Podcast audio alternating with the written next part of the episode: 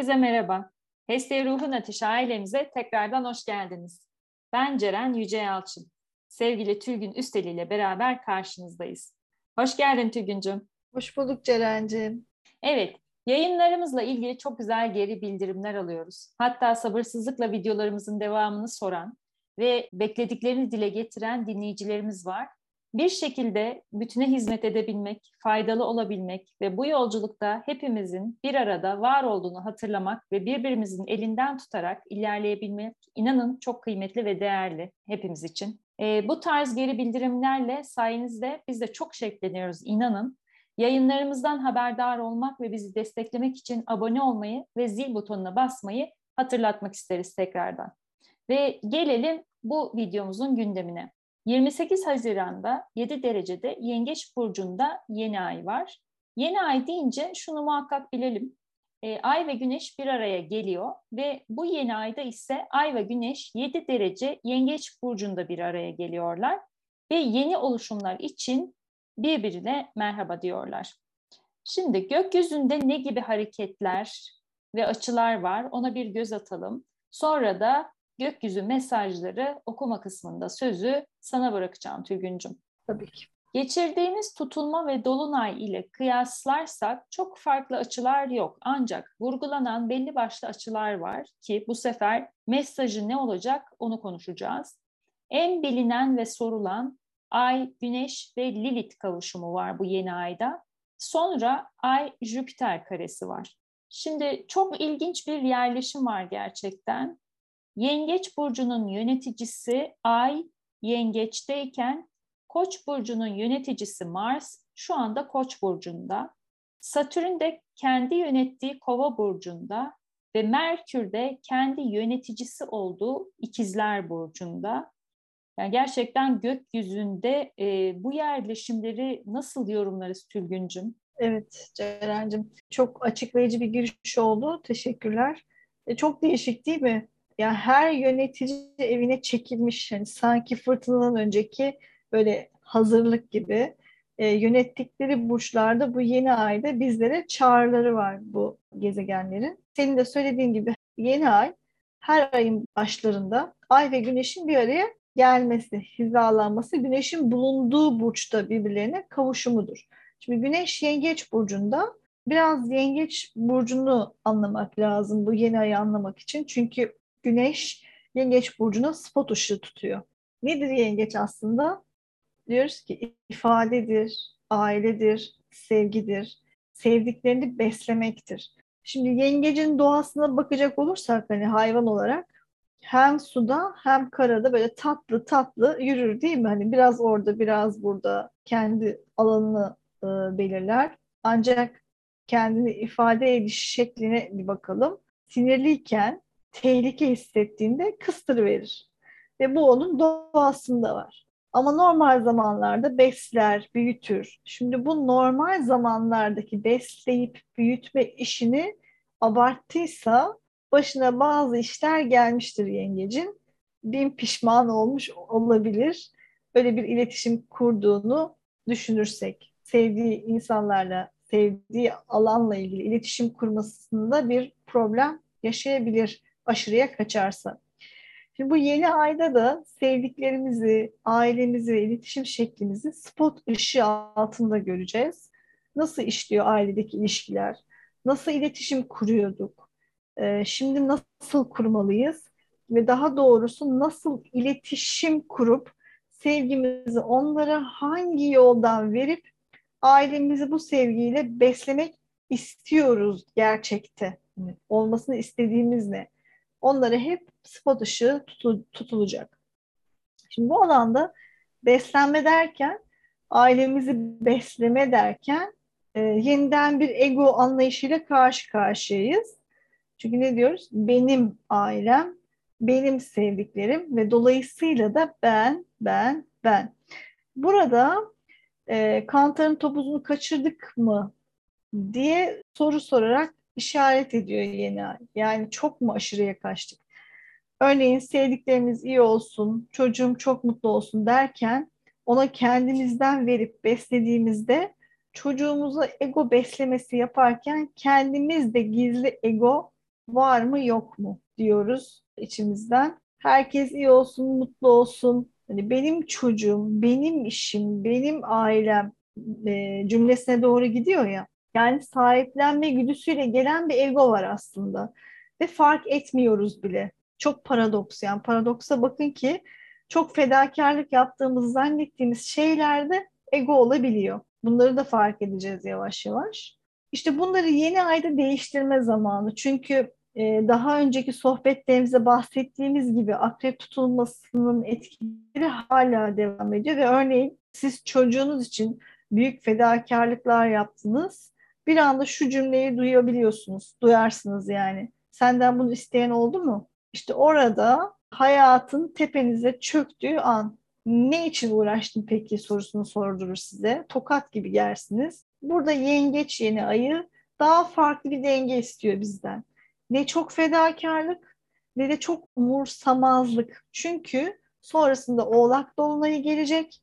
Orada da başka şeyler yaşatacak. Yani bunlar bir şeylere hazırlık. Ama tabii o gizli ego, fedakarlık onların hepsini görmemiz gerekiyor. Şimdi Lilith konusuna gelelim. Bu yeni ayda e, Güneş ve Ay ile kavuşumda. Evet, biraz bilmeyenler için çok kısa Lilith enerjisinden bahsedelim. Hep kara ay kötücül olarak bilinir. Aslında Lilith ne bir gezegen ne de asteroittir. Lilith hepimizin haritasında yer alan matematiksel bir noktadır aslında. Şöyle anlatalım. Ay dünyanın eliptik yörüngesinde seyahat ederken dünyaya en uzak olduğu yerdeki ağırlık merkezidir ki bu da ayda bir kez hizalanan bir noktadır. Enerji olarak da ayın karanlık yüzü gibi algılanır, dişil enerjiyi temsil eder.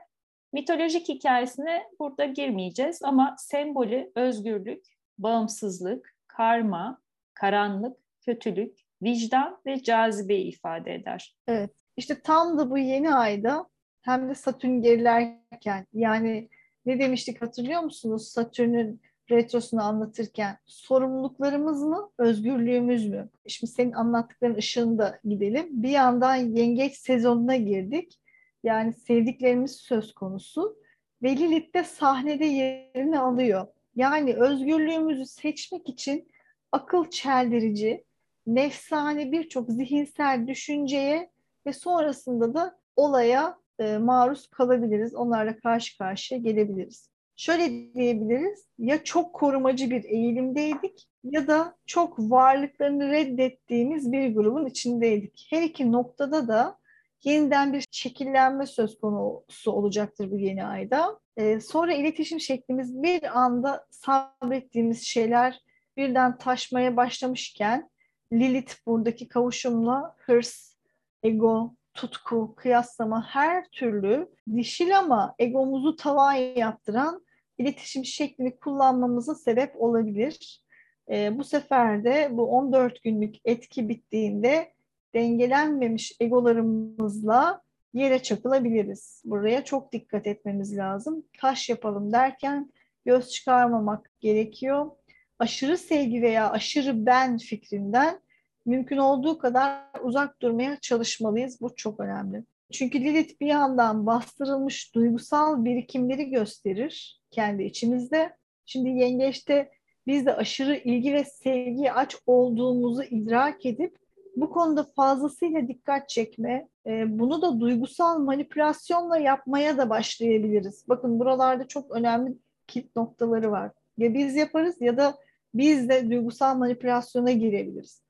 Normal zamanda örneğin mesela eşiniz işiyle ilgili dışarıda ya da çocuğunuz içeride ders çalışırken ya da sevdiğiniz arkadaşınızla o kadar da sık görüşmüyorken ve bunu fazla da büyütmemişken gözünüzde şimdi ısrarla saatlerce beraber vakit geçirmek için çeşitli konularda vicdan yaptırıcı konuşmalar hazırlığında olabiliriz bilinçaltımızdan özellikle. Üstelik tarih itibariyle yeni ayın etki alanı Kurban Bayramı'na da denk geldiği için e, kaybettiklerimiz konusunda inanılmaz hassas ve özlem duygusu da çok ağır basabilir. E, bu konularda devamlı ağlama, özlem açığa çıkabilir. E, bunun da bastırılmaması, gidenlerin yok olmadığı bilinciyle ruhlarını hatırlamak, şahlandırmak bu enerjiyi pozitife çevirecektir. ve bu daha çok sevgi yayılmasını sağlayacaktır. Bunu pozitifte kullanabiliriz ama tabii zor bir dönem. E, şimdi burada hatırlatmak istediğim çok önemli bir konu var. Söz konusu olan Yengeç Burcu, yani Koç Burcu değil. Şimdi Koç enerjinden bahsederken gümbür gümbür çok görünür olaylardan, aksiyonlardan bahsediyoruz değil mi? Ama Yengeç öyle değil. Yani yengeç oldukça içe dönük, kişinin tamamen kendi içinde yaşayacağı duygusal bir durum. Zaten mantık olarak da baktığımızda yengeçin yöneticisi ay yani duygular hem de çok içerideki duygular. O yüzden çok belirgin olmayan konularda hislerinizin sizleri kontrol edip etmediğini anlamak zorundasınız. Bu sizin hikayeniz zihinsel çukurlar, duygusal egolar tamamen bunlardan siz kendinizi fark ederek çıkabilirsiniz ki bu da içe dönerek bulunabilecek bir süreç. Peki e, Tülgüncüm şimdi bu duygusal alandan geçerken insan kendini yakalayamayabilir. Yani farkında olmayabilir. Yeni ay etkisi de çok kısa süreli yaklaşık 15 gün kadar. Peki ne olur anlamazsak? Kendi içimizde bu etkileri yakalayamazsak ne olur? Yani hiçbir şey olmaz aslında. Çünkü Plüto'daki gibi hem kitlesel, jenerik değil, yıkıcı değil, o kadar etkin değil. Belki biraz ilişkilerimiz sarsılır.